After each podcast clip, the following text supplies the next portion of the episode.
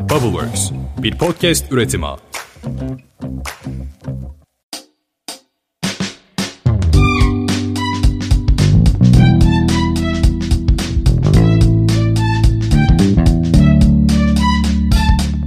Merhabalar, Podcast Boş İşler'in 38. bölümüne hoş geldiniz. Ben Seha. Ben de Atakan. Bugün Mert Menekşe ve Arman Kayhan konuğumuz. Kendileri Kovan'ın kurucuları.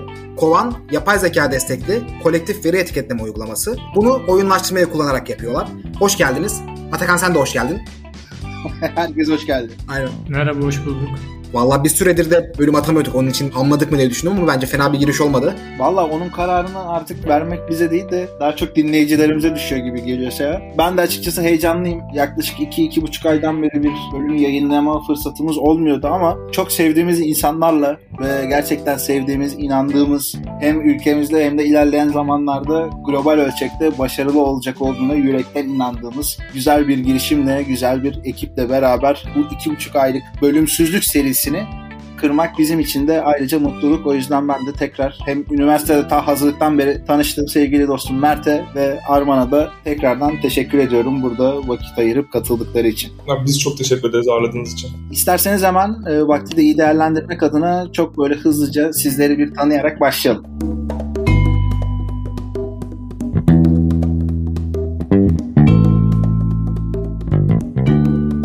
Menekşe ben. İstanbul Teknik Üniversitesi Uzay Mühendisliği mezunuyum. Yaklaşık 5 yıl kadar sürede Vestel Ventures'ta kurum, şey, kurumsal risk sermayesi firmasında çalıştım. Daha sonra oradaki tecrübelerime de Arman'la birlikte Kova'nın kurulmasında etkin rol oynuyorum diyeyim, kurucu ortağım. Ben anlatayım birazcık. Şimdi ben Arman Kayhan. Yani kendim ilk başta çok meraklı olduğumla ben tanımlıyorum aslında. Ya böyle işte özellikle sıra dışı fikirle hayata geçirmeyi, onlar üzerinde düşünmeyi, hayal kurmayı seven biriyim. Bir de böyle en çok başvurduğum yöntem de şey benim yani işte bildiklerimi unutup yeniden öğrenmeyi falan çok seviyorum. Hep de bunu kullandım. Hem üniversitede hem de şimdi startup'ımızda da bunu yapıyorum zaten. Onun dışında da yani standart 70'inde sadece olursam İTÜ'de uzay mühendisliği lisansı bitirdim ben Mert'le birlikte. Yüksek lisansıma da yine İTÜ'de devam ediyorum. Yapay zeka ve teknoloji yönetimi üzerine yapıyorum orada yüksek lisansımı. Yani üniversitenin son senesinde de Eczacıbaşı'nda part-time olarak Smart Connect Laboratories diye bir research labı vardı. Orada çalışmaya başladım. Yaklaşık 3 sene orada işte hem ürün geliştirme hem de IoT ürünleri cloud'la bağlama gibi birçok tecrübe etmiş oldum. Daha sonra da işte Kovan fikri ortaya çıkınca bugün buradayız. Hayatım o zamandan beri Kovan olmuş durumda. Bu şekilde. Süper harika valla. 3 tane itülü ben yarım itülü diyeyim o zaman kendime. ya bence onu bile demesen iyi olacak gibi mi geliyor ama çünkü daha sonra yoksun yani piyasada.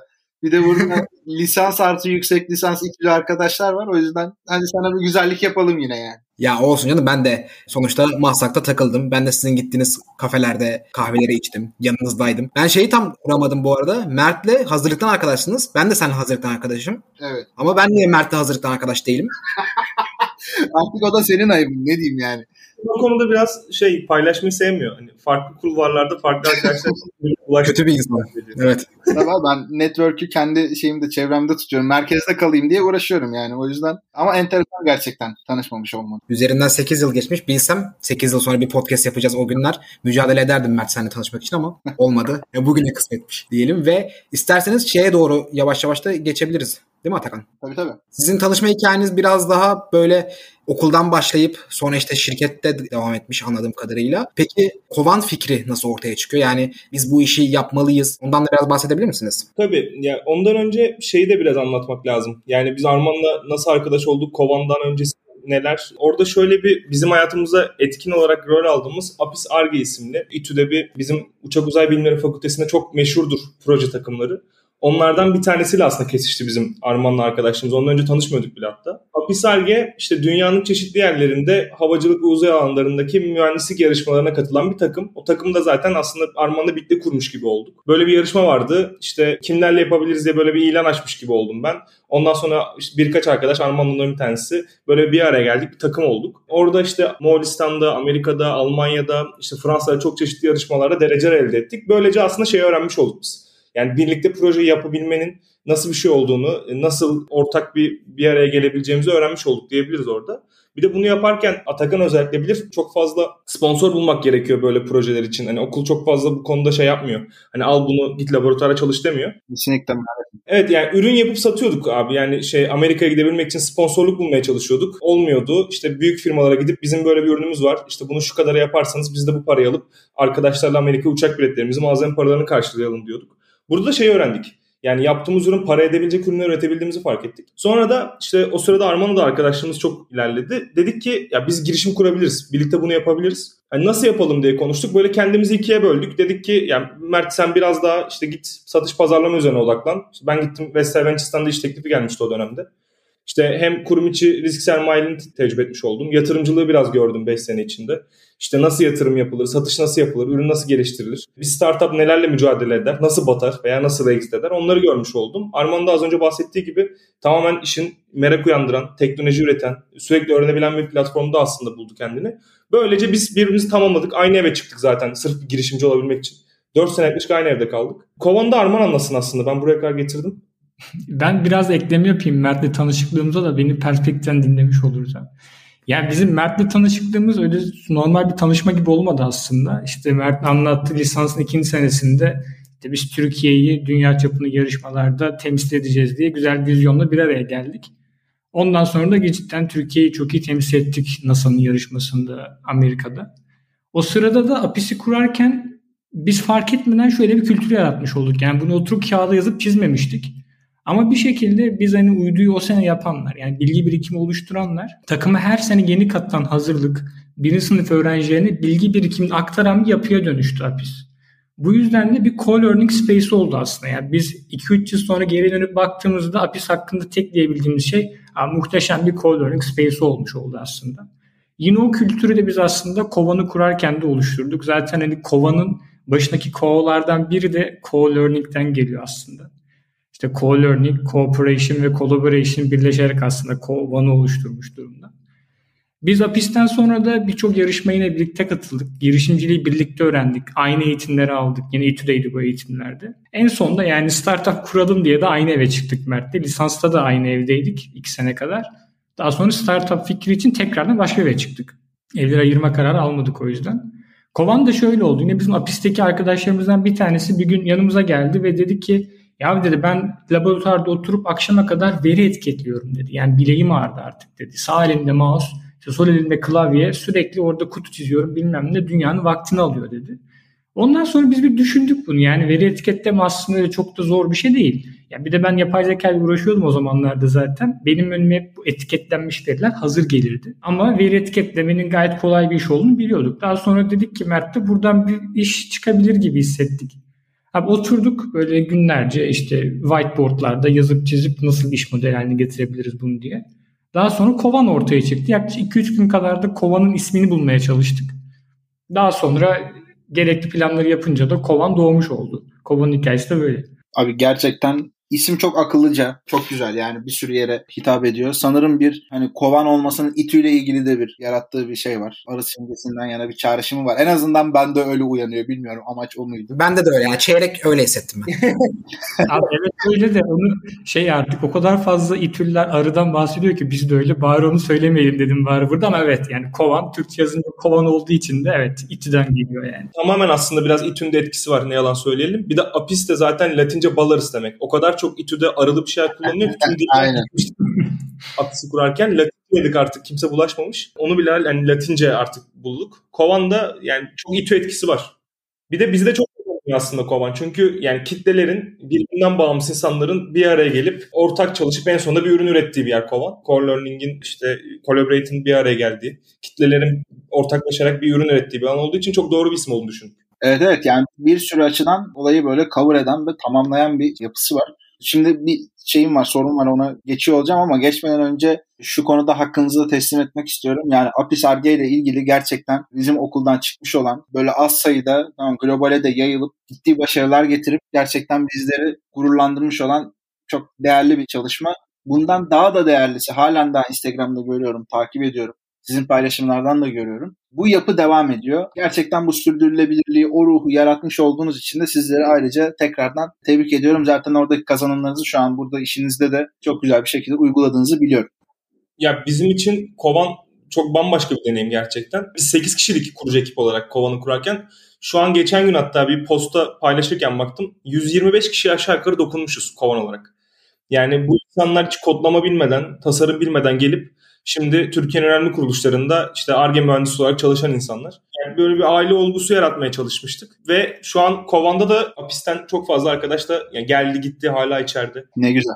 Peki Kovan tam olarak ne yapıyor abi? Kimlerin problemini çözüyor? Kimlere nasıl hizmetler sunuyor? Kimler içeride kullanıcı? Kimler bu işin müşterisi? Nasıl bir iş var burada? Evet, kısaca ben gireyim buna. Tabii. Yani Kovan çok basit olarak yapay zekanın ihtiyaç duyduğu veri setlerini etiketliyor aslında. Hı hı. Bunu yaparken de işte geleneksel mouse ve klavye gibi bu hard verileri ortadan kaldırıp kolektif kaynaklı bir mobil uygulama kullanıyor. Biz müşteri segmentimizde yapay zeka firmaları, işte yapay zekayı bir şekilde kullanan büyük firmalar ve de üniversitelerin AI Research laboratuvarları var aslında. Burada yapılan yapay zeka değerini mümkün kılmak için ellerindeki veriyi yani topladıkları veriyi bir insanla birlikte oturup her bir nesneyi ifade edecek bir etiketleme yapmak gerekiyor. Mesela bir görsel düşünelim şimdi. Diyelim ki tem otoyolunda çekildi bu. İşte sağ tarafta tabelalar var. Sol tarafta bir tane bariyer görüyorsunuz. Bunları öncesinde bir insan oturup kutu içerisine alıyor veya işte her bir pikselini boyayarak ifade ediyor onun bariyer olduğunu, yol olduğunu ya da tabela olduğunu. Kovan da tam burada diyor ki yani birçok araştırmada okuduk bunu. Hem AI endüstrisinde böyle research yazıları yayınlayan firmalarda yapılan yapay zeka projelerinin %40, %50'ye yakın vakti bu manuel veri etiketleme süreciyle geçiyor. Ve aslında yaratılan değer yapay zekanın kendisini yapmakken değerin bir kısmında veri etiketlemeye harcadığı için oradaki mühendisler yeterince vakit ayıramıyorlar aslında yapay zekanın kendisine. Biz de o yüzden burayı hedef aldık ve dedik ki biz çok hızlı bir şekilde ve çok doğru olarak veri etiketleyelim. Yani basitçe de biz güvenli bir şekilde veriyi müşteriden alıyoruz. Onun spesifikasyonuna göre de, göre de bu veriyi etiketleyip onları teslim ediyoruz. Kovanın aslında basit olarak yaptığı döngü bu. Hemen bir ekleme yapayım Arman hazır buradayken. Ya bir veri etiketleme de böyle çok basit anlatmak gerekirse yapay zeka ile ilgilenmeyen çok kişi dinliyor size. O yüzden böyle hı. Çok ufakça bir tarif gerekebilir. Yapay zeka aslında en başta bir bebek yani bizim doğduğumuz gibi bir bebek en temelde ve ebeveynleri tarafından nasıl öğretilme süreci varsa böyle masal kitaplarında gösterirsiniz ya işte bak çocuğum bu işte inek bu ev gibi. Yapay zekanın da aktivitesine yani görevine başlamadan önce yine yine insanlar, ebeveynler diyelim buna, insanlar tarafından öğrenilmesi gerekiyor. Öğretilme süreci gerekiyor. Siz yapay zeka kendi fonksiyonunu gerçekleştirebilsin diye görevine hitaben çok fazla sayıda veri göstermeniz lazım ki yapay zeka bu işte neyse artık görevi bunu yaptığında önüne karşılaştığı bir şey gelirse bir problem, bir engel, bir mücadele onda geçmişe dayanarak ha bana bunu öğretmişlerdi demesi için veri etiketleniyor aslında. En temelde veri etiketleme çok basitçe bu. Ve biz bu işi Arman dediği gibi çok hızlı, çok doğru ve kitle kaynağıyla yapmaya çalışıyoruz. Burada kitle kaynağı tarafını bir tık daha açabilir misiniz acaba? Şöyle, şimdi önce şeyden bahsedelim. Yani normalde nasıl oluyor bu veri etiketleme işlemleri? Ya firmalar kendi işlerinde etiketliyorlar bu verileri. Yani işte büyük yapay zeka firmalarında içeride çalışan işte onlarca insan var. Bunlar sabah oturuyorlar 9 akşam 5'e kadar. Bilgisayar başında öndeki görselleri Arman dediği gibi kare içine alıyor. İşte ya da hat çiziyor. Çok farklı etiketleme teknikleri var. Bunu kullanarak veri etiketliyorlar. Bu bir tip veri etiketleme türü. Diğerinde bizim bir bazı firmalar var. Bu firmaların Gazze'de, işte Kenya'da, Hindistan'da, Çin'de işte bu tip bölgelerde fabrikaları var. Call center fabrikaları gibi düşünebiliriz bunu. Kişiler sabah 9 akşam 5 yine bilgisayar başına oturup veri etiketliyorlar. Biz Koman olarak şöyle bir farklılık yaratıyoruz. Biz de bütün etiketleme süreci işte Arman dediği gibi klavye ve mouse değil tamamen telefonda etiketlenebilir hale geliyor ve siz mesela işte Atakan otobüsle veya uçakla işte İstanbul'dan İzmir'e giderken telefonunu çıkarıp boş vakitlerinde veri etiketleyebiliyor ve bunun karşılığında para kazanıyor. Tabii burada verinin doğru etiketlendiği çok önemli. Burada aslında bizim yapay zekada biraz burada çalışıyor. Kitle kaynağı genel olarak bu. Herhangi biri kovan içindeki uygulamada yeterli eğitimleri aldığında o konuyla alakalı oturup istediği zaman istediği yerde veri etiketleyebiliyor. Karşılığında da parasını kazanabiliyor aslında. Böyle bir ek gelir de oluşturabiliyoruz. Kitle kaynağı genel olarak bu. Bizim odamız üniversite öğrencileri şu an. Anladım abi harika. Sen birazcık bu soruyu bir tık genişletiyorum farkındayım ama bir tane daha bir eklemem olacak. Burasının tam anlaşılıp anlaşılmayacağından emin değilim çünkü net olsun istiyorum. Peki işin müşterisi tarafında abi kimler var? Yani tam olarak yapay zeka firmaları diyoruz tamam ama birkaç tane belki marka ismi olabilir veya sektörel böyle bir paylaşım olabilir. Biraz daha orayı da netleştirebilirsek çok seviniriz. Tabii abi orayı da ekleme yapalım ama ondan önce bir şeyden de bahsedeyim hemen. Yani kovan müşterileri nasıl ulaştı ilk başta? Biraz onun hikayesini anlatayım. Daha sonra da spesifik örnek ekleyeceğim zaten. Tamam. Biz bol bol customer funnel yaptık ilk başlarda. Yani bu fikir aklımıza geldiğinde ilk doğrulamamız gereken gerçekten ihtiyacı var mı? Yapay zeka firmalarının böyle bir servise diye. Abi önce biz AI çalışan hemen hemen bütün akademisyenleri bulup onlarla konuştuk ve ürünü de anlatmadan problemlerini dinledik. Nasıl veri etiketliyorlar, acı noktaları ne, kadar hızlı olması gerekiyormuş gibi. Daha sonra da hem kendi ağımızdan hem de hocalarımızın tanıştırmasıyla Türkiye'deki yapay zeka firmalarına mail attık. Ve ürün daha ortada yokken bile onların sorunlarını dinleyip ürün inşa sırasında da müşteri segmentindeki kişilerle mentor gibi ilerledik aslında.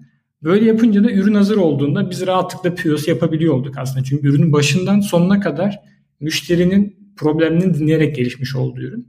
Bu süreçte bizim birlikte çalıştığımız Vispera yani ürün daha ilk aşamalarında prototip seviyesinde bile değilken biz Vispera ile konuşmaya başlamıştık. Bunun dışında Hepsi Burada'dan da mentörlükler aldık. Hepsi Burada, Vispera, Miletos var aynı şekilde. Bizim müşterileri sayılabilir. Mert başka ekleme yapar mısın sen buraya? Ya hatta ilk yaptığımız işi de anlatabiliriz sanırım ya. Bir tane firma var bizim işte ilk fatura kestiğimiz firma. Bu firma fabrika içi görüntüleme sistemleri üzerine çalışıyor. Yani iş güvenliği üzerine çalışıyor. Fabrikaların üstlerine kameralar koyuyorlar. Bu koydukları kameralarda insanlar baret takıyor mu, maske takıyor mu? Bazı hatlar var. Riskli hatlar. O hatlara girdi mi çıktı mı bunu yapay zeka anlamaya çalışıyor. Tabii bunun için çok fazla insanın veya maskenin, kaskın etiketlenmesi gerekiyor. Biz bu süreçte mesela bu firmaya ilk katkı sunduğumuz firmalardan bir tanesi buydu spesifik olarak. Şeyde de kullanabilirsiniz. Tesla'da da kullanabilirsiniz. Şöyle bir örnek var. Tesla'nın otonom sürüşlerinden bir tanesi sanırım geçen sene zannediyorum kaza yaptı. Kazanın sebebi de şu. Araç öndeki mavi tırı gökyüzü sanıyor abi. Gökyüzü sandığı için de bam diye vuruyor arkadan. E şimdi tabii ana sebep veri etiketleme değil ama veri etiketleme kaza sebeplerinden bir tanesi. Eğer çok fazla işte mavi araç tır görebilseydi burada yapay zeka şey çıkarımı yapabilirdi. Yani bu bir tır olabilir o yüzden vurmamalıyım diyebilirdi burada çok basitçe. O yüzden veri etiketleme bu kadar hassas bir konu. Anladım abi gerçekten süper. Bu konuda ben almak istediğim her türlü cevabı çok net şekilde aldım ağzınıza sağlık. Evet evet harika. Ya ben de aslında işin kitle kullanımının, kitleleri kullanma ve veriyi etiketleme konusu gerçekten çok heyecanlandırıcı. Şey dedin ya Mert, Hindistan'da fabrika gibi yerlerde insanları çalıştırmak ve işte orada sabahtan akşama kadar işte veri etiketleyen yapılar var aslında. Ama bunu daha da ölçeklendirmek ve internet üzerinde her gün sonuçta internete milyonlarca hatta milyonlarca az bile milyarlarca bilgi giriliyor. Bu kadar insan internette zaman geçiriyor. Herkesin işte mobil uygulamalar indiriyorlar. Burada bir değerlendirilebilecek bir alan var aslında. Biraz daha dinleyicilerimiz açısından da böyle bir tık daha desteklemek için şey örneğini vermek istiyorum ben. Siz zaten daha iyi biliyorsunuz da. Recaptcha var ya bu Luis Von An diye bir adamın kurduğu aynı zamanda Duolingo'nun da kurucusu. O da aslında kolektif gücü kullanarak bu işi yaptı. Hepimiz biliyoruz. Herhangi bir yerde web sitesinde bir aşamada bizim robot olup olmadığımızı anlayan bir sistem var. Bu kelime girdiğimiz ya da işte görsel seçtiğimiz bir sistem var. Onlar da mesela bu kolektif gücü sonuna kadar kullanıyorlar ve bunu böyle faydalı olarak nasıl kullanabiliriz sorusunda da daha internete girilmemiş kitapların dijitalleştirilmesini sağlıyorlar. Yani orada iki tane kelime gösteriyor mesela. Bir tanesi bilgisayarın bildiği kelime, diğeri de bilgisayarın anlamadığı kelime. İnsanlar eğer şeyi bilirse, doğru olanı doğru girip diğerini de girerse ve bunu atıyorum 100 kişi doğru yaparsa tamam o bizim bilmediğimiz kelimeyi, bilgisayarın bilmediği kelimeyi tamam bu artık internete geçebilir, dijitalleşebilir. Amazon bunu Kindle'da kullanabilir. Google kendi kitap uygulamalarında kullanabilir gibi günde milyonlarca hatta daha geçenlerde baktım günde 200 milyon civarı kelime bu şekilde internete kazandırılıyormuş. Bunun kullanım alanı çok geniş. Biraz da böyle soruya doğru getirmeye çalışacağım. Kovan burada bu pazarın bu kolektif gücü kullanma, kitlesel gücü kullanma pazarının neresinde şu anda ve neresinde olmak istiyor gibi bir soruyla da bağlayayım. Yani orada Crowdsource aslında birazcık anlatmak istiyorum önce. Yani kaç tane alan var kullanım teknolojisi olarak. Daha sonra orada kovanı yerleştirelim hep birlikte. Aslında Crowdsource o kadar eski bir kavram ki yani webin belki başlarından beri bir şekilde var oldu. Yani ben 2005-2006'larda hatırlıyorum crowdsource işlerini. Ve 2010 yıllarında mikrotask diye anılan böyle küçük işler diye bir sistem revaçtaydı. İşte web'e giriyorsun işte how, how can I make işte 5 dolar filan diye böyle arattığınız zaman karşınıza işte veri girişi, işte bir gerçek kişinin stoklanması, işte bir web sitesine girip oradaki ilgili reklama tıklamak gibi küçük işler yaparak çok cüzi miktarda yani 1 sent gibi miktarlarda gelir elde edebiliyordu insanlar. Daha sonra yıllar ilerledikçe bunun yanına sen de recapture örneği verdin ya bir de hani Google Translate çok gelişmeye başladı. Çeviri sektöründe makine çevirisinin yanına bir de denetleme ve gerekirse düzeltip tekrar yazma gibi işleri yaparak getiri elde edeceğin işte human translator işleri gelmeye başladı. İşte Unbabel gibi bazı firmalar vardı o dönem. İşte ben lisedeydim o zamanlarda. İşte birkaç sana böyle sözcük gönderiyor. Onu yapay zeka muhtemelen çevirememiş. Sen onları çeviriyorsun ve biri de onu onaylıyor. Okey daha sonra sana para veriyor buradan. Böyle de para kazanabiliyordun. İşte bunun dışında fiziki olarak yapılan küçük işler var yine CraftSource tarafında. Mesela bir uygulama indirdin. Sanırım Yandex'in tolkasında böyle işler vardı. İşte diyor ki hadi git şu mağazada fotoğraf çek. Bir bak bakalım şu ürünün ne kadarmış fiyatı, hangi rafta duruyor gibi. Burada kitle gücünü fiziki olarak bir yere yönlendiriyorsunuz. Orada da işte ya fotoğraf çekiyor ya da ilgili bilgiyi sağlayıp para kazanıyor burada. Kovan aslında bunların arasında anlattım ya, yapay zekaya destek olmayı sağlayan veri girişi ve veri etiketleme değerinde aslında konumluyor kendini. Yani tam olarak CraftSource, CraftSource'un içerisinde de yapay zeka bu dönem çok revaçta. Yapay zekanın daha iyi hale getirilmesi için de insanların ona bazı bilgileri sunması gerekiyor. Kovan kitle kaynağını burada doğrudan veri etiketlemek ve de o insanları etiketlenmiş verilerin doğruluğunu denetlemek amacıyla kullanıyor aslında. Kovanın da tam olarak yani tam ortasına konumlanmış gibi bir şey oluyor. Hiç fiziki bir tarafı yok sadece kovanın kitle kaynağının. Ama bütün o software tarafındaki işlerine kovan dokunmuş oluyor bu sayede. Burada aslında Arman ek olarak yani bir de dinleyici kısmında şöyle bilgilendirmekte yarar var. Veri etiketleme, veri açıklama çok fazla ismi var. Bu geleceğin bir aslında bir iş kolu. Yani şu an çok büyük firmalar yani Apple gibi Google gibi kendi bünyelerinde istihdam yaratmak için bu tür insanlara iş başvuru çıkabilir. LinkedIn'de görebiliyorsunuz bunu. Yani aslında veri etiketleme şu an bizim kurgumuzda evet bir ek gelir. Üniversiteler için bir burs kadar para kazanabilme fırsatı. Ama ilerleyen zamanlarda yapay zeka çok daha fazla yayıldığında bu gerçekten kariyer sunan bir iş fırsatı olacak. Bütün öğrenciler için, yeni mezunlar için işte herhangi bir okul okumanıza da gerek yok çünkü veri açıklamada. Yani gördüğünüz nesneyi tanımlayabiliyorsanız siz bir veri etiketleyicisiniz. Tabi derin konular da var. Mesela iş güvenliği hukukunda eğer uzmansanız çok yüksek paralarda çok fazla verileri etiketleyebiliyorsunuz. Bu alanda da yani kovanın yanı sıra dediğim gibi veri, veri açıklama ve veri etiketleme bir yeni bir iş yükü. Hatta biz Arman'la kendi aramızda bunu dijital mavi yakalık olarak tanımlıyoruz bulunduğunuz herhangi bir yerden, oturduğunuz yerden ki bizde kovanda öyle yattığınız yerden para kazanma imkanı veriyor kovan veri etiketleyicilerine. Bu sadece kovan özgü bir iş değil. Bütün büyük firmalar artık yavaş yavaş bu ekiplerini kurup bu alanda yeni çalışmalar yapmayı hedefliyorlar. Abi dijital mavi yaka tabirinize bayıldım. Çok hakikaten olayı güzel özetliyor. Bu aslında geek ekonominin de gelişimiyle tam çok fazlasıyla paralel giden bir konu. Hani hep şey geyi vardır ya ya bu geleceğin mesleklerin neler olacak. Hatta Erhan Hoca da kızar. Ya kardeşim geleceğin meslekleri de yetkinliklerine bakın falan diye. Ama bu gerçekten az önce söylediğiniz gibi yani geleceğin mesleği olma konusunda çok güçlü bir alan. Önemli bir konu. Şeyi merak ediyorum. Sizin burada problemin çözümünü net bir şekilde anladık. Hatta bizim Goin'de de Mert de bilir. Yani işin gerçekten hastası olduğumuz, çok sevdiğimiz bir şey yani probleme aşık olmak, problem kısmını doğrulayıp ondan sonra geri kalan yapıyı inşa etmek. Şey tarafını da anladık, müşteri tarafını anladık, içerideki teknolojiyi anladık. Birileri gelip bunu etiketliyor, onu da anladık. Peki bu kişiler ağırlıklı olarak kimler ya? Genelde şu anda talebi üniversite öğrencilerinden mi aldınız? Veya işle ilgili sıkıntı yaşayanlardan mı aldınız? Mesela pandemi döneminde pek çok kişi işsiz kaldığı veya mevcut işlerindeki gelirleri düştü. Bunun size bir herhangi bir yansıması oldu mu onu merak ediyorum. Biz ilk öğrencileri düşündük. Yani B2C tarafında birilerinin veri etiketleyerek para kazanması gerekiyor ve paraya ihtiyacı olan birileri lazımdı bize. Ve bunu yaparken çok da vakit harcamaması gerekiyor. Yani günde böyle 8-9 saatini vermeyecek. gün içinde yakaladığı boş zamanlarında da küçük miktarlarda veri etiketleyip para kazansın istiyorduk. Hatta ilk örneğimizde Mert de şuydu. Mesela Mecidiyeköy'de oturan İTÜ'lü öğrenci metroya bindiği zaman Ayaz Ağa'da çıkana kadar sürede veri etiketleyip yolcunu bedavaya getirsin. Bu yüzden hep öğrenci oldu bizim odamız ve şu anki etiketleme takımımızda da hemen hemen hepsi öğrenci ve Türkiye'nin çeşitli üniversitelerinden veri etiketliyorlar. Çünkü şöyle de bir konu var. Mesela İstanbul'a hangi öğrenci gelirse gelsin genellikle ilk yaptığı şey şu oluyormuş. İşte burs imkanları, burs veren vakıflar, burs veren kurumlar bunları araştırıyor. Kovan'da zaten bu günde ayırdığı birer saatlik veri etiketleme ile yani ayda o burs niyetine geçen 400 liralara, 500 liralara rahatça ulaşabiliyor zaten.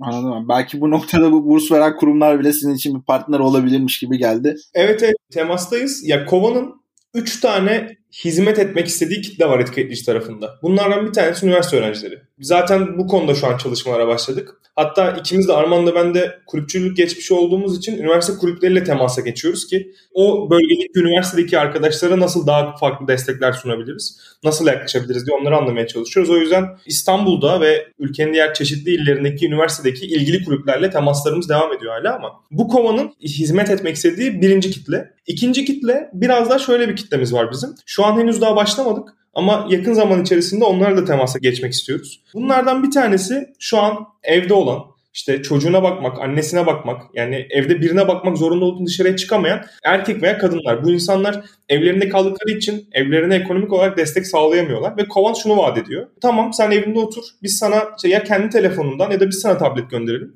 Sen veri etiketle ve en azından mutfak masraflarını sen karşılayın. Bunu yapan zaten vakıflar var Türkiye'de. Onlara buradan da çok teşekkür ederiz. Umarım dinliyorlardır bizi. Bu vakıflara da aslında Kovan bu şekilde destek olmak istiyor. Yani şu an şöyle çalışıyor vakıflar.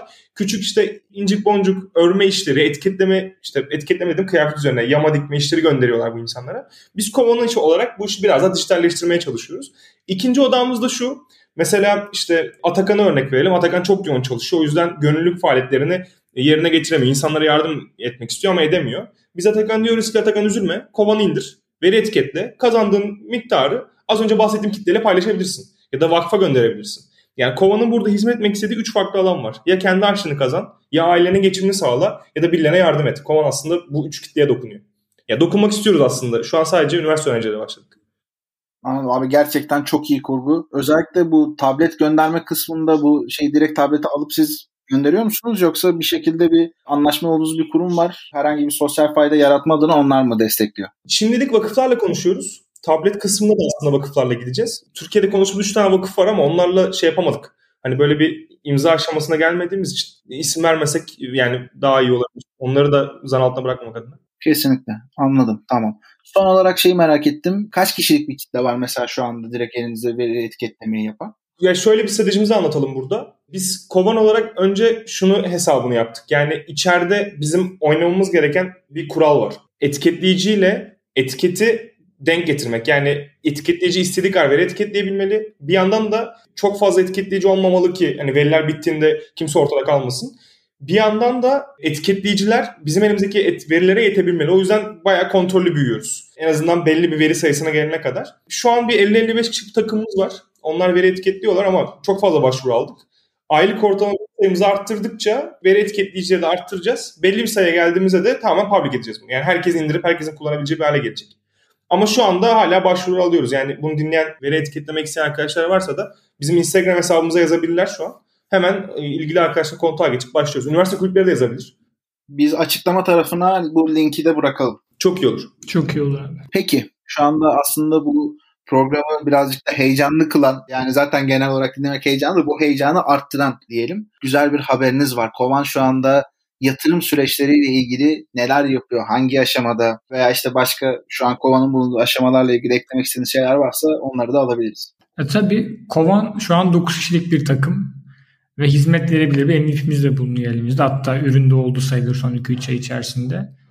Yaklaşık bir yıldan beri yani bu takım birlikte çalışıyor. İçeride teknoloji geliştirme, işte B2C, B2B için altında marketing ve sales gibi alt takımlarla birlikte pandemi içinde doğmuş bir takım olarak full uzaktan bir çalışma kültürü edindik aslında. Evet yatırım turundayız bu arada. Pre-seed turu olarak açmıştık bunda ve turu da tamamladık. Bu yatırımla ilgili de Mert biraz sonra birkaç bilgi verir zaten. Hem değerlememizi kimlerden bu yatırım aldık gibi.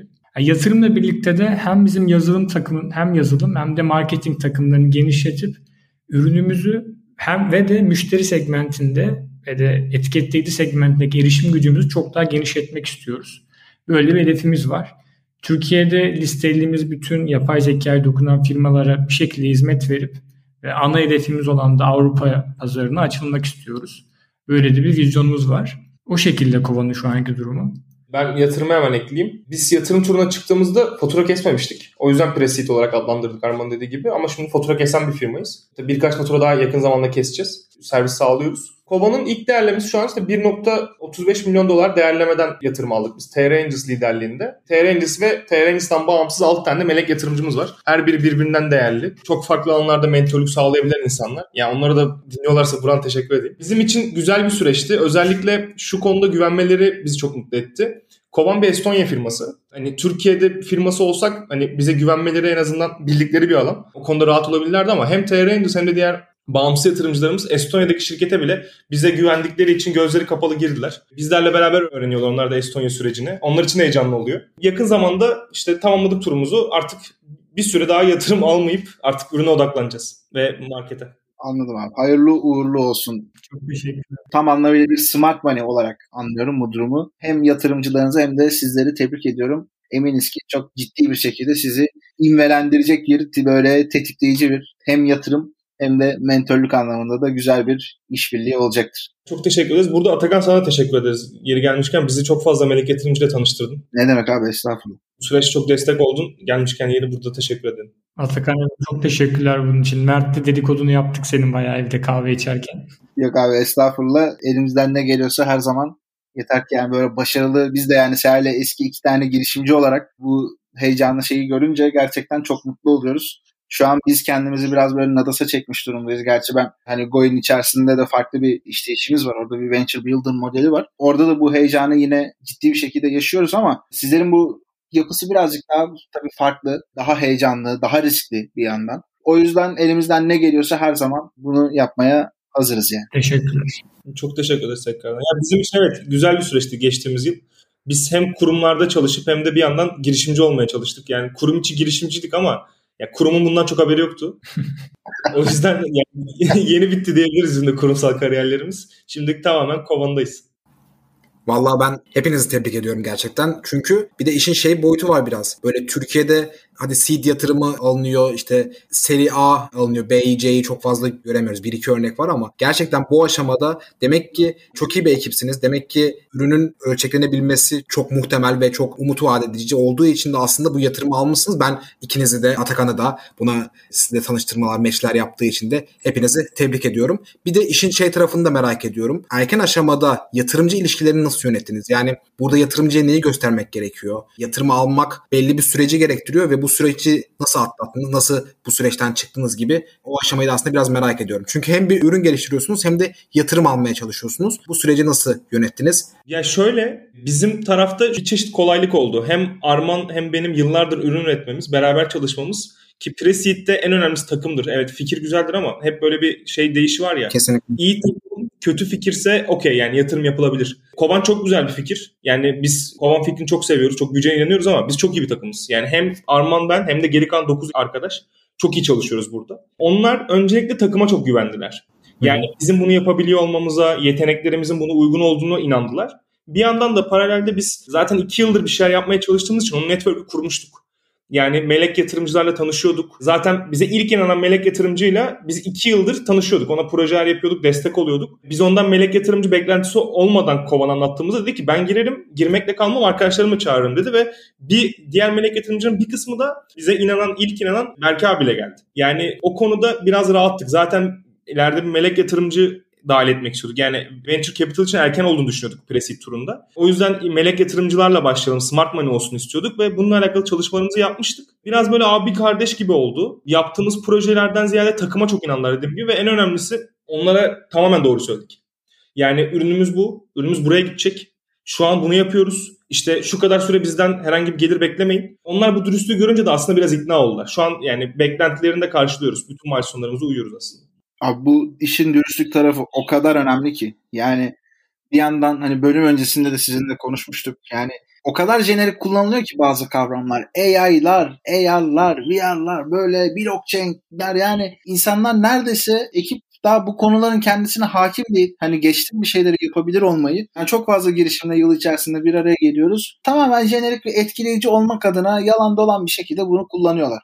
Tamam fake it until make it hepimiz biliyoruz.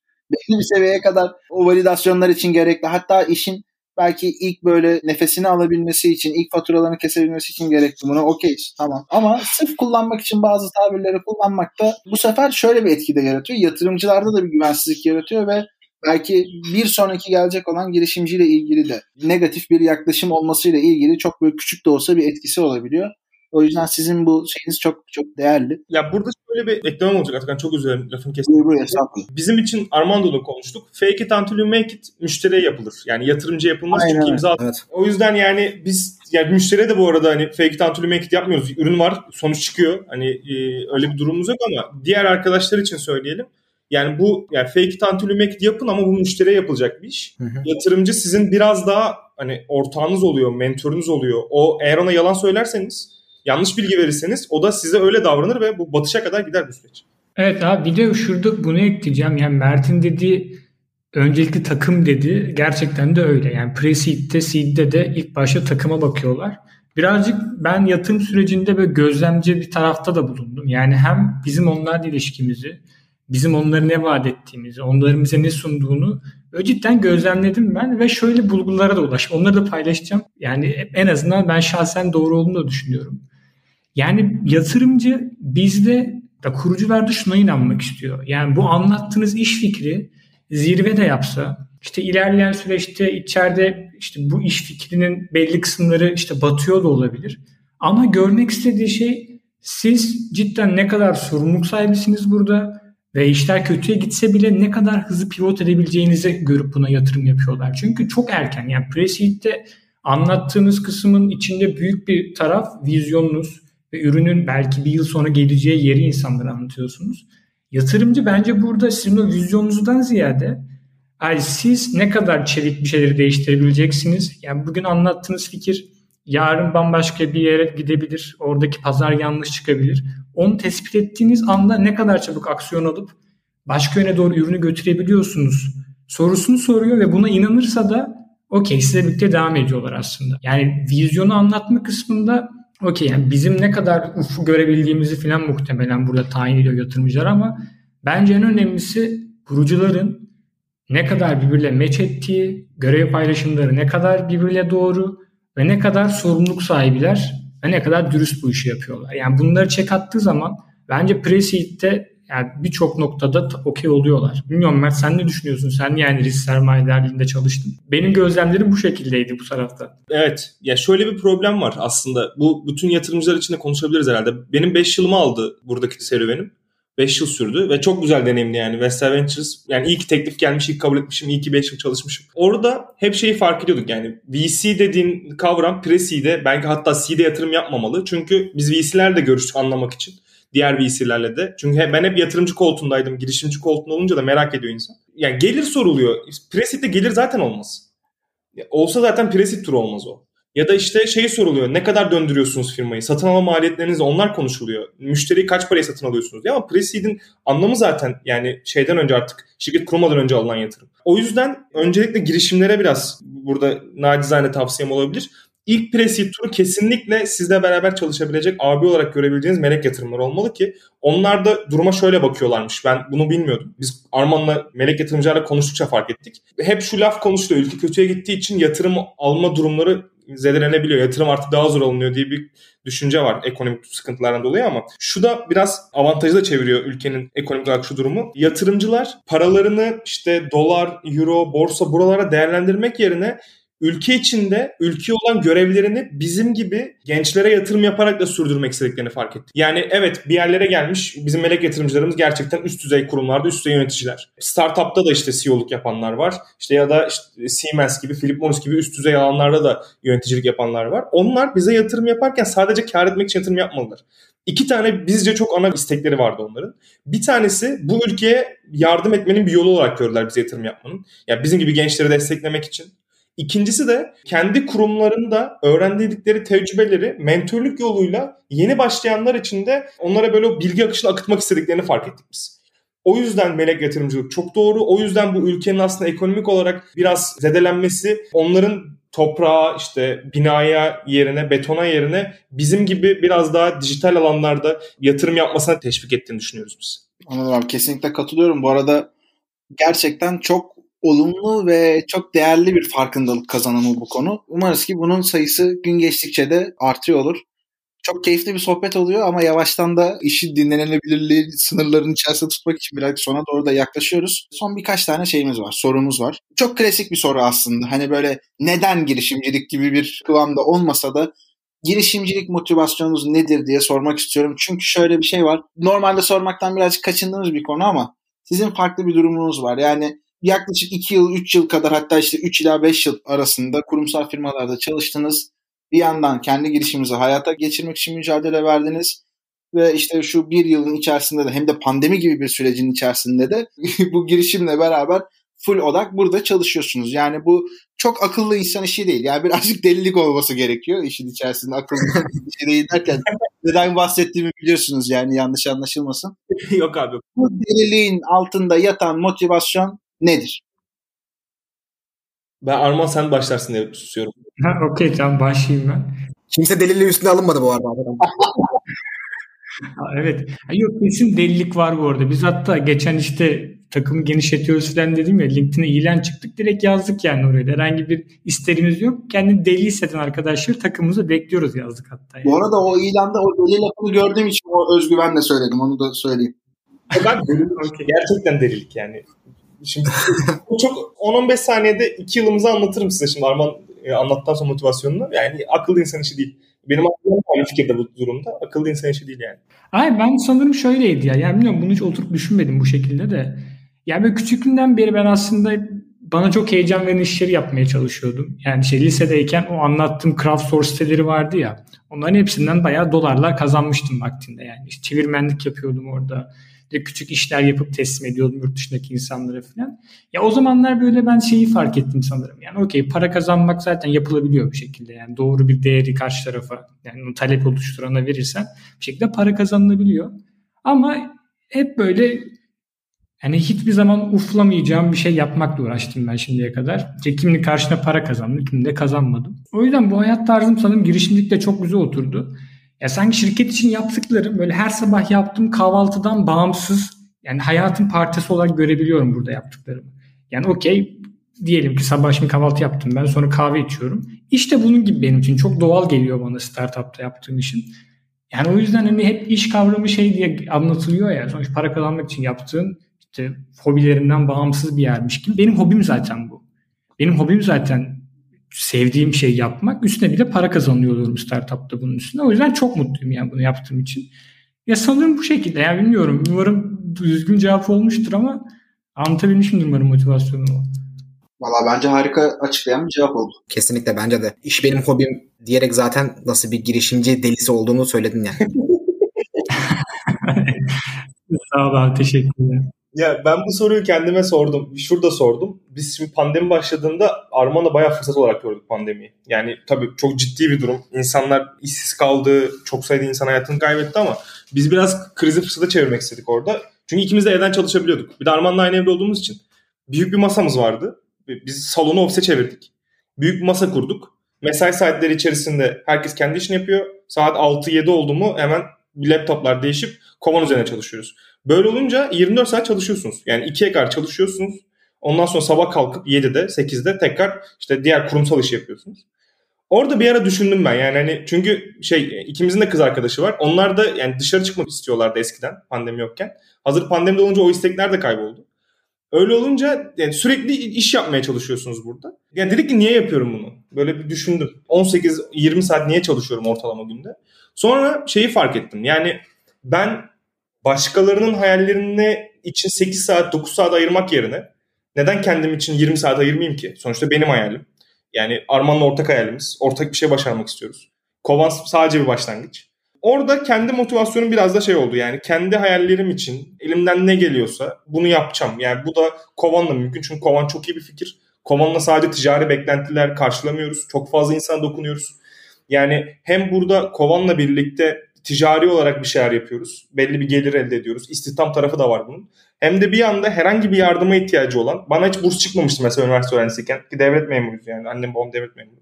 Hiç burs çıkmamıştı. Şu an Kovan sayesinde herhangi bir üniversite öğrencisi sağda solda işte gelir elde etmek için zor şartlarda çalışacağına evinde bir gelir elde edebiliyor. Ya Kovan buna da hizmet veriyor. O yüzden ya benim böyle bir hayalim vardı. Kovan hem bunu ticari anlamda gerçekleştiriyor hem maddi anlamda hem de manevi anlamda destek oluyor aslında bu hayale. O yüzden girişimci olduk muhtemelen. Ne kadar çok konuştum ya. Valla dinleriz ya hakikaten. O duyguyu sizden çok fazla aldım. İlk defa aslında burada tanıştım ama o girişimcilik motivasyonunu niye yaptığınızı çok güzel aldım. Peki şu anda planlar ne ve böyle gelecekte neler bekliyorsunuz? Nereye gelmek istiyorsunuz gibi bir cevapta bekliyorum aslında sizden. Abi Kova'nın bir B2C tarafında büyük bir hayalimiz var orada. Yani en başta anlattığımız o veri etiketlemenin gerçekten de kitlenin iki parmağı arasında olmasını istiyoruz biz. Yani kişiler nasıl Instagram'a girip orada şimdi Reels çekiyorsun, işte videoları trimliyorsun, kesip arka arka ekliyorsun. Zaten insanlar bu alışkanlık var. Veri etiketleme sayesinde de insanlar bir veriyle neler yapılabileceğini biliyor olacaklar Kovan sayesinde ve bunu sadece iki parmağıyla yapacaklar. Hayatlarının parçası olacak. Bunu hem yatırımla birlikte takımın gelişmesi hem de ürünün de daha kapsamlı hale gelmesiyle bunu yapmak istiyoruz. Bunun yanında bir ticari beklentilerimiz var tabii ki de. Türkiye'deki pazarı tüm yapay zeka firmalarına hizmet verebileceğimiz gitmek istiyoruz ve daha sonra Avrupa'da ki bütün işte computer vision çalışan yapay zeka firmalarına gitmek istiyoruz. Amacımız yani yapay zekanın zeka olana kadar olan yolculuğunda gerek duyduğu insan desteğini sürekli ona verebilmek ki yapay zekanın değerini biz katlayabilelim. Yani yapay zekanın böyle ham maddesi etiketlenmiş veri gibi birazcık. Biz onu sağlamak istiyoruz ki yapay zeka büyüsün. O pasta çok daha büyük olsun. Daha fazla yapay zeka ürün çıksın. Biz aslında kendimiz birazcık da orada o değerli işlenmiş maddeyi veren firma olarak gördüğümüz için yapay zekayı büyütmek de diğer hedefimiz bizim. Hemen bir ek yapayım Arman'a. Biz Arman'la hep böyle girişim fikri çalışırken çünkü biz hani önce girişimci olmak istedik sonra fikir geldi bize. Şunu çok dikkat ettik yani bizce iki türlü yoldan girişimci olur. Ya kimsenin yapamadığı bir iş yapman lazım. Genelde akademide oluyor bu işler zaten. Ya da kimsenin yapmak istemediği bir iş yapman lazım. Veri etiketleme dediğimiz iş gerçekten kimsenin yapmak istemediği, görünce işte özellikle yapay zeka konusu içinde olanlar bilir. Görünce kaçtığı bir alan. Kimse yapmak istemiyor bu iş. Dedik ki o zaman biz bunu yapalım. Bir yandan da şöyle bir hayalimiz var böyle hatırlarsınız bundan 5-6 sene önce böyle bir bir yandan grafik designer diye çok popüler bir meslek vardı. İşte Photoshop biliyordu o insanlar, filtre yapıyorlardı. İşte siz görsel kullanıyordunuz falan. Sonra bir anda işte Canva gibi bir şey çıktı. Instagram zaten aldı başını yürüdü. Yok oldu o meslek. Herkes yapabiliyor artık. Herkes bir anda sosyal medya kullanabilen. Demokratikleşti aslında. Evet abi çok demokratikleşti. Çok doğru bir tanım. Şimdi ama orada değişmeyen tek şey var abi. Görsel. Stok fotoğraf. Yani yapay zeka çek bunu veri. Biz buna inanıyoruz. Şu an yapay zeka mühendisi diye bir kavram var. Gerçekten çok popüler. Herkes alanında çok iyi iş yapıyor. Ama yakında Canva gibi bir şey çıkacak ve bu yapay zeka herkes tarafından yapılabilir bir hale gelecek. Burada değişmeyen tek şey data olacak. Kova her türlü datayı sağlayabilen bir biz Arman'la buna kendi aramızda verinin Amazon olmak diyoruz. Verinin Amazon olmak istiyoruz. Yani bizim 5 sene sonra ateş ettiğimiz yer orası eğer başarabilirsek, becerebilirsek insanlar evlerinde kendilerine özgü böyle bir işte yapay zeka kullanabilecekken küçük algoritmalarla istedikleri verileri gelsinler kovandan alsınlar ya da kendileri stok fotoğraf çeksinler. Adam mesela kelebek uzmanıdır. Çok kelebek fotoğraf çekiyordur. Etiketlesin göndersin bize. İşte bir akademisyen ihtiyacı onda akademisyen o veriyi bizden çeksin istiyoruz. Hani Mert diyor ya her zaman ana odamızda veriyi bir şekilde sağlayabilen firma olmak diye. Ay sen ilk başta Recapture'den bir örnek verdin ya. Onunla bir şey bağdaştıracağım şimdi aklıma geldikçe anlatıyorum onu da. Mesela anlattığım text kısmı vardı. Hani çeşitli kitapları bir şekilde dijital ortama aktarmak gibi görevde üstleniyordu ek görev olarak. Mesela en son çıkan recapture'lere bakıyorum. Yani hatta iki gün önce falan gördüm. O kadar zor ki. işte bana demiş ki bu görselde bir tane bot var diyor. Şey ama yani tekne olan. Tekne var burada. Bunu bul demiş bulamadım. Yani iki defa yanlış yaptım ben görevi. Daha sonra işte anladım ne olduğunu. Hı hı. Aslında bir sene önceki görsellerin zorluğuyla şu anki Recapture'nin görselliğinin zorluğu bir değil. Bu da bize şunu anlatıyor.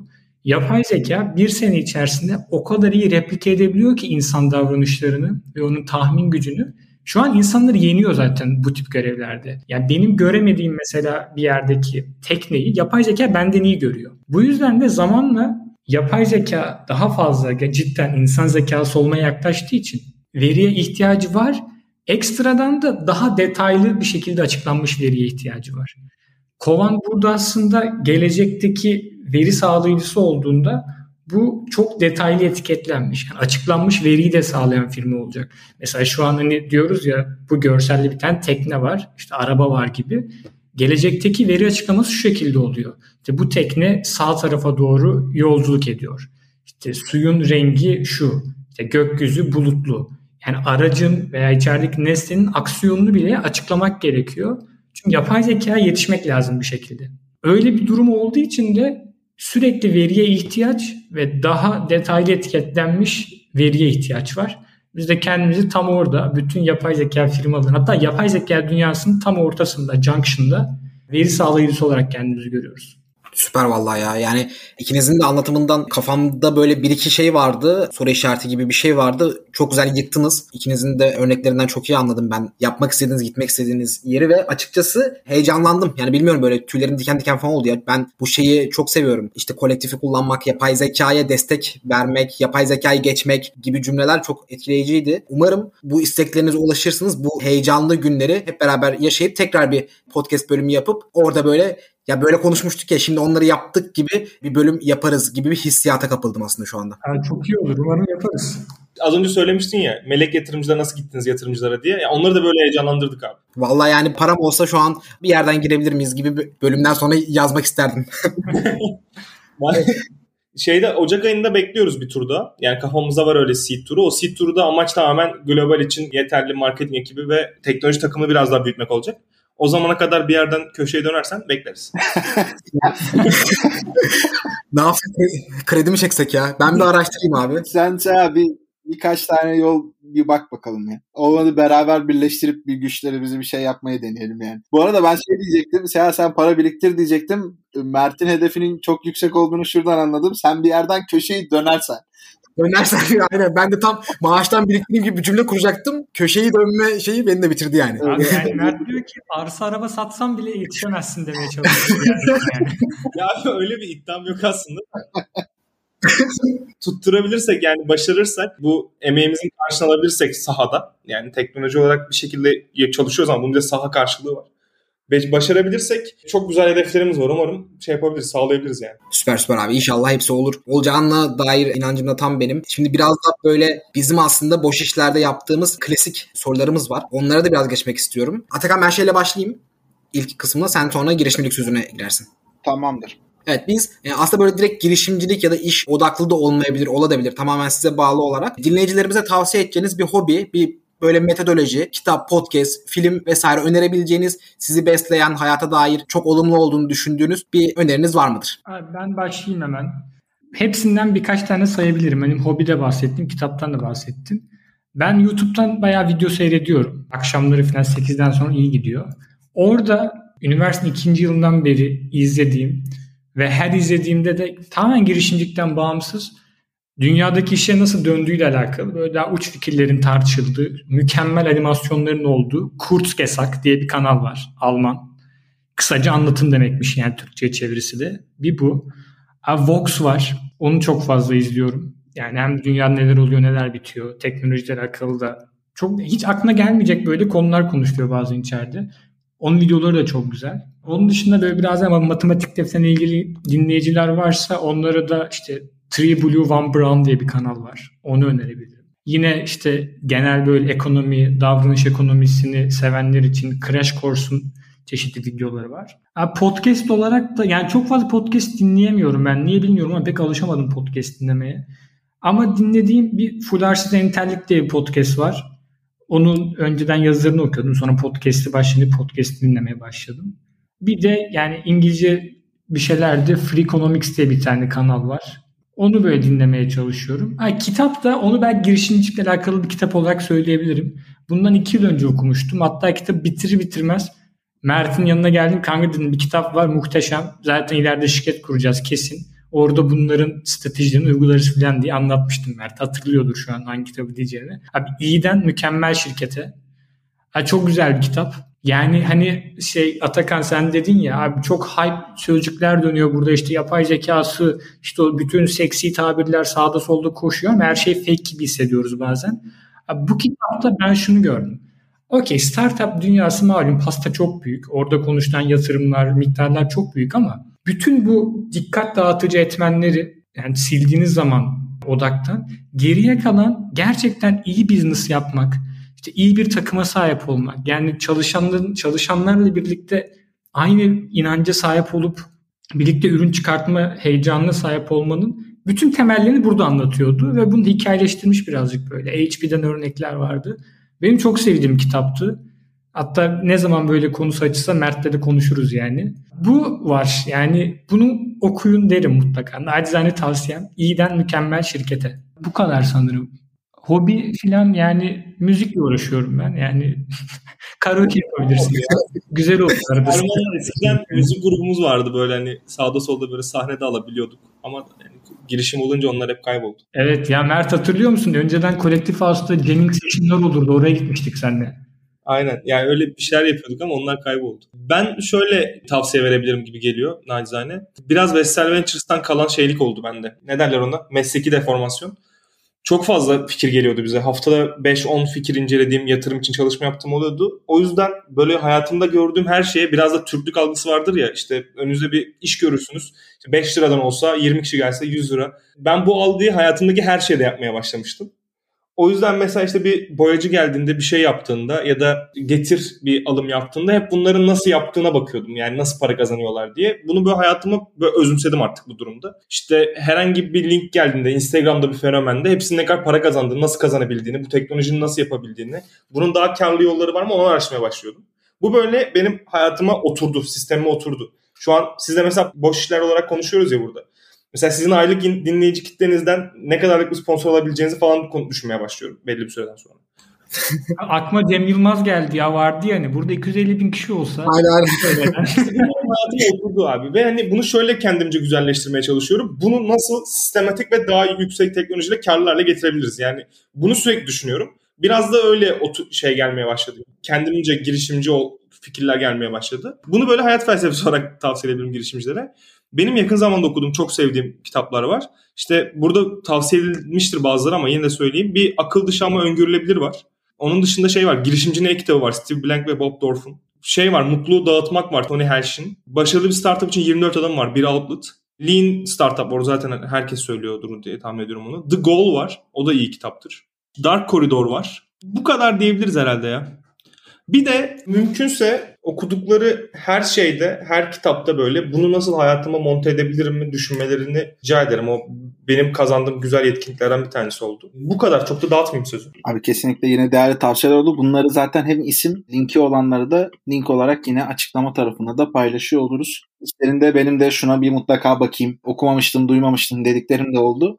o yüzden yazılı şekilde bulunması hepimiz için faydalı olur diye düşünüyorum. Mesela Sıfırdan Bire diye bir kitap var. Herkes duymuştur işte. Startup kurmak isteyen verirler. Ben onu Kovan'dan önce okumuştum. İyi güzelmiş falan dedim ama Kovan'ı inşa ederken bir daha okudum. Kovan'a göre monte ettim. O yüzden böyle hani bir kitabı okuduktan sonra muhakkak okudum demesinler. Bir girişim başladığında o girişimci odaklı kitapları bence girişim üzerine bir daha okumalarını tavsiye ederim. Kesinlikle mesela girişimcinin e-kitabı da öyle. Evet. Biraz böyle başucu ansiklopedisi gibi durması gereken ve bir kitap zaten. Aynen yani gereken aşamalarda şöyle bir açıp bir bakılması gereken bir kitap. Kesinlikle katılıyorum. Bizim boş işlerde bölümleri kapatırken bir konseptimiz var. Diyoruz ki girişimcilik nokta noktadır. İşte kan, ter, gözyaşıdır vesaire. Sizin için bu neyse onu da öğrenebilirsek seviniriz. Evet bunu biraz düşünmek gerekecek Atakan yalnız. Zor bir soru oldu Olur abi vaktimiz bol. Ben şey diyebilirim ya Arman düşünene kadar. Girişimcilik kimsenin yapamayacağı ya da kimsenin yapmak istemediği şeyi yapmaktır diyebilirim. Süper. Ek süre talep edebiliyor muyuz ya? Süre senin abi nasıl istersen. Biz aslında bunu normalde bölüm öncesinde bir ekstra konuşuyor oluruz ama bu sefer atlamışız herhalde. Ben de şu an fark ettim. Benim hatam kusuruma bakmayın. Abi Arman Düşüne kadar goy goy yapabiliriz istiyorsanız. Abi buldum ben bu arada. Ek süre için teşekkürler. Abi bence girişimcilik bildiğini unutup yeniden öğrenebilme serüvenidir. Ben Eyvallah var ya, tam seninle uyumlu oldu. En başta söylediğin şeyler acayip meç etti ya. Eyvallah. Aynen öyle. İki söyle de çok iyiydi. İkinizin de bütün bölüm boyunca aslında anlattıklarınızda Atakan'ın da dediği gibi meçeden girişimlik nedir sözü oldu. Ben çok teşekkür ederim. Yani gerçekten çok güzel bir bölüm oldu. Çok güzel bilgiler paylaştınız. Çok verimliydi. İşin her tarafında olan insanlarsınız aslında. Yatırımcı, girişimci, teknik taraftasınız, pazarlama tarafındasınız. Bu deneyiminizi paylaştığınız için dinleyicilerimiz adına da ben teşekkür etmek isterim. Yavaş yavaş da kapanışa doğru geçebiliriz Atakan. Ne diyorsun? Tabii tabii ben de hemen bir iki cümle bitireyim sonra sen kapat istersen. Tamamdır. Ee, ya valla şöyle bir hissiyat oldu bende. Yani sizlerle daha önceden böyle bir hani geçmişiniz var diye midir? Sizin bu insanları heyecanlandırma kabiliyetinizden midir? Bunların bir karması mıdır bilemiyorum ama dinlerken, sizlerle sohbet ederken gerçekten çok çok keyif aldım. Ve hani en başta şey demiştim. Boş işlerde 2-2,5 aydan beri bölüm yapmıyoruz ama bu süreci kırmak için gerçekten güzel bir bölüm olacak. İyi bir ekiple beraber izlemiştim. Ya bunun gerçekten ne kadar doğru olduğunu gördüm. Bu açılışı yeniden ikinci açılışımızı diyelim. Sizlerle beraber yaptığımız için çok çok mutluyum cidden. Ve tüm bu süreçlerde de sizlere başarılar diliyorum. Ama zaten bu süreçleri de gerçekten başarılı bir şekilde atlatacak olduğunuza ve bundan bir yıl, iki yıl, belki birkaç ay sonra yeni başarılarınızı konuşmak üzere yeniden bir araya geliyor olacağımızdan da adım kadar eminim demek istiyorum ve tekrardan çok teşekkür ediyoruz sizlere katıldığınız için. Biz çok teşekkür ederiz. Abi biz çok teşekkür ederiz. Ben böyle çok ufak birkaç söz etmek istiyorum. Ya biz Arman'la ve tüm ekiple çok çalışıyoruz doğruya doğru ama bunu sadece biz tek başımıza başaramıyoruz. Yani bizim çok güzel mentörlerimiz, sizin gibi çok güzel arkadaşlarımız, çok iyi yatırımcılarımız ve bizi her zaman arkamızda olan çok güzel destek olan ailemiz ve sevdiklerimiz var. Yani bir kez daha onlara çok teşekkür ederim. Bu bir ekip işi gerçekten ve sadece ticari bir ekip işi değil. Her düştüğümüzde kaldırdıkları için herkese çok teşekkür ederiz. Başta size de çok teşekkür ederiz bu ağırladığınız için. Her zaman. Ay ben de çok teşekkür ederim. Benim ilk podcast deneyimim oldu. O yüzden heyecanlıydım da ilk başladığımda bayağı. Onun için teşekkürler. Hem sizle olmuş oldu bu. O yüzden çok sevindim. Yine Mert'in dediği gibi yani gerçekten büyük bir aile işi. Yani takım arkadaşı da bu aile içerisinde. Gerçek aileniz de aile içerisinde. Mentörlerimiz de bu aile içerisinde. Ve bunlarla birlikte yapabiliyor olmak bunu insan yalnız olmadığını hissettiriyor her yere düştüğünde. Ve çok düşüyoruz yani yere. Çok yüzümüz de kızarıyor. Ama zaten bu yüzden buradayız. Onlara da çok teşekkürler. Bu kadar. Çok teşekkür ediyorum genel olarak. Süper, süperdi valla. Ben de çok teşekkür ederim tekrardan. İkinize de yolunuz açık olsun diyorum ve yavaş yavaş kapanışa doğru geçiyorum. Podcast Boş İşler'in 38. bölümünü dinlediniz. Bu bölümde çok eğlenceli, çok keyifli, çok öğretici ve böyle kağıt kalem dinlemelik bir bölüm olduğuna inanıyorum. Bizi dinlediğiniz için çok teşekkür ederiz. Bundan sonraki bölümlerde görüşmek üzere. Kendinize çok iyi bakın. Görüşmek üzere. Bubbleworks